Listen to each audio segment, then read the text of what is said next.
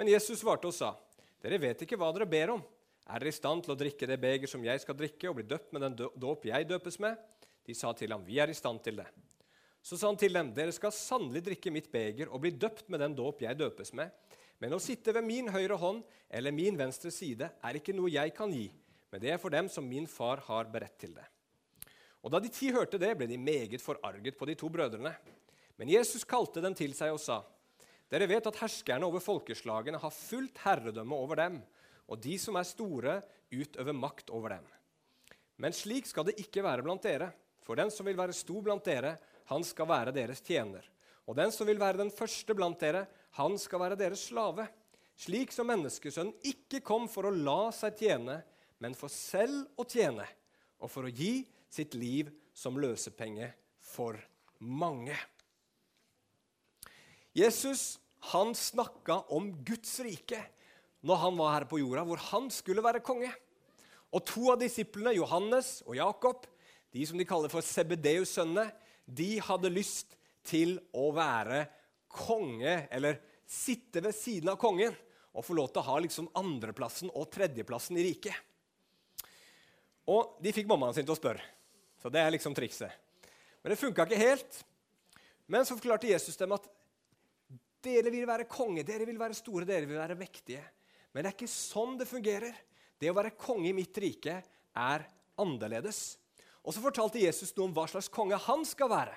Og Jeg har lyst til å si bitte litt om dette med at vi mennesker for det første, vi trenger en konge, og vi trenger en god konge, og vi trenger en konge som kan forandre oss. Så først har jeg lyst til å si litt om at Vi mennesker vi trenger en konge. Jesus han sa ikke at han ikke skulle være konge, han sa han skulle være konge. Og vi trenger en konge. Dere barn her, Hvor mange er det som går på skolen av dere? Få se. Ok, I dag når jeg satt og forberedte meg til denne talen, her, eller i går også for så vidt, så kom jeg til å tenke på en kjempegod idé om hvordan vi kunne gjøre skolen.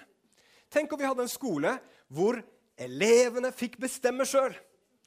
Og på den skolen så var det så klart masse rom med bøker og alt slags mulig sånn, der, sånn materiell, så man kan lære masse om geografi og historie, matematikk og fysikk og kjemi og alt det man skulle ønske seg å vite noe om. Men på den skolen også skulle det være rom hvor det var PlayStation og TV-spill og lekerom. og Det var en stor sal med hoppeslott og kanskje et sminkerom og liksom alt slags mulig sånne kule ting som barna liker å drive på med. Og så kunne barna komme på skolen, og så kunne de sjøl bestemme hva de hadde lyst til å gjøre. Så kunne barnet si ja, i dag så vil jeg lære litt matematikk. Og så lærte man litt matematikk. Og tenkte, så tenkte barnet dagen etterpå nei, i dag har jeg lyst til å spille litt dataspill. Og så spilte han dataspill. Tror du det har vært en god idé om vi skulle hatt sånn skole? Nei, det hadde ikke gått så bra. For jeg er nokså sikker på at de barna der ikke hadde lært så fryktelig mye. For det barn, de er sånn at de velger som oftest det som er kulest akkurat nå. Og tenker ikke så ofte for veldig mye på hva som er nyttig og bra i det lange løpet. ikke sant? Det er derfor dere har lærere som kommer og sier det og det og det og det skal dere gjøre. Så tenker dere åh. Men så gjør dere det, og så lærer dere masse ting. Så på skolen trenger man en lærer. Og vi mennesker vi trenger sånne sjefer som passer på oss, forteller oss hva vi skal gjøre, sånn at vi gjør det som er til vårt eget beste. Og Sånn trenger vi ikke bare på skolen, men sånn trenger vi i hele samfunnet. Og vi trenger en konge, en som kan bestemme oss og hjelpe oss, sånn at vi ikke bare velger de tingene vi har mest lyst til her og nå, men så vi kan gjøre de tingene som er bra for oss i det lange løpet. Men så er det spørsmål, da. Hvis vi trenger en konge, hvem skulle den kongen vært, da? Det er sikkert mange som ville vært den kongen. Sant? Mange vil ha makt, og mange vil ha ære. Akkurat sånn som Jakob og Johannes ville. Hva ville du gjort hvis du var konge i hele verden for en dag?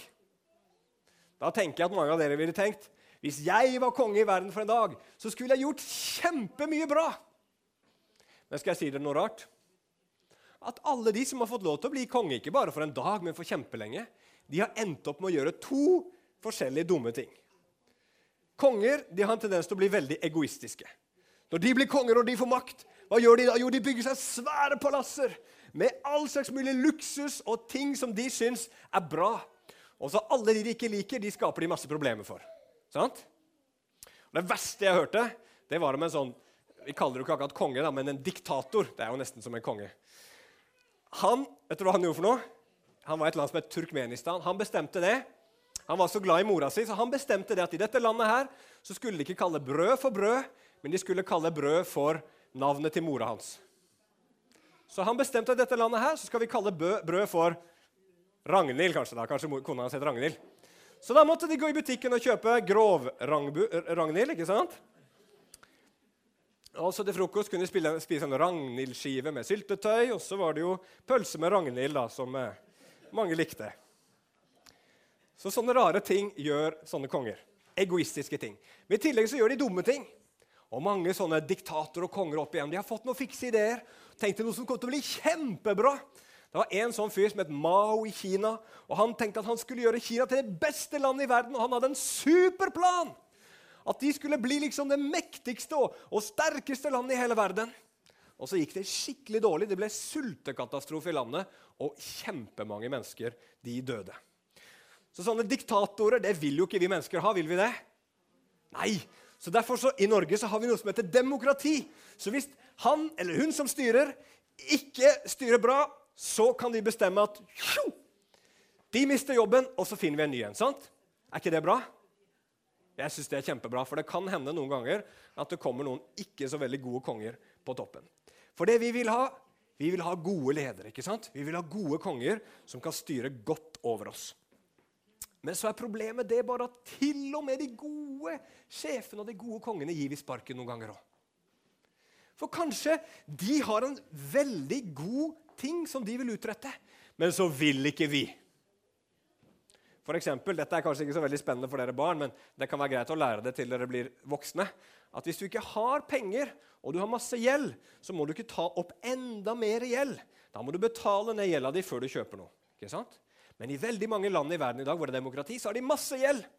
Og hvis en som kommer og vil bli statsminister eller president i det landet der, han sier vel, nå har vi veldig mye gjeld, nå må vi spare penger, og så må vi betale ned gjelda vår, og så må vi være smarte, og så må vi ikke bruke penger vi ikke har.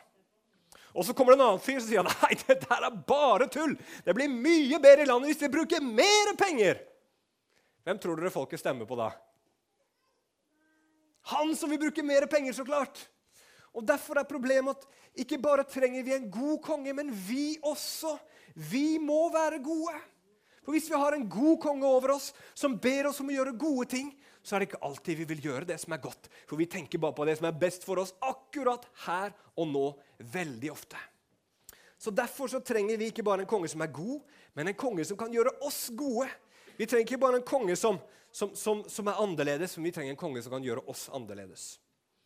Og det var derfor Jesus kom til jorda. For vi trenger en konge som kan forandre oss.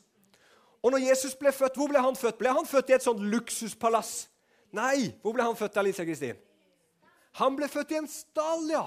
Ikke noe godt sted å bli født. Det er helt sikkert. Ikke at jeg har prøvd, men jeg regner med at det ikke var så kjekt.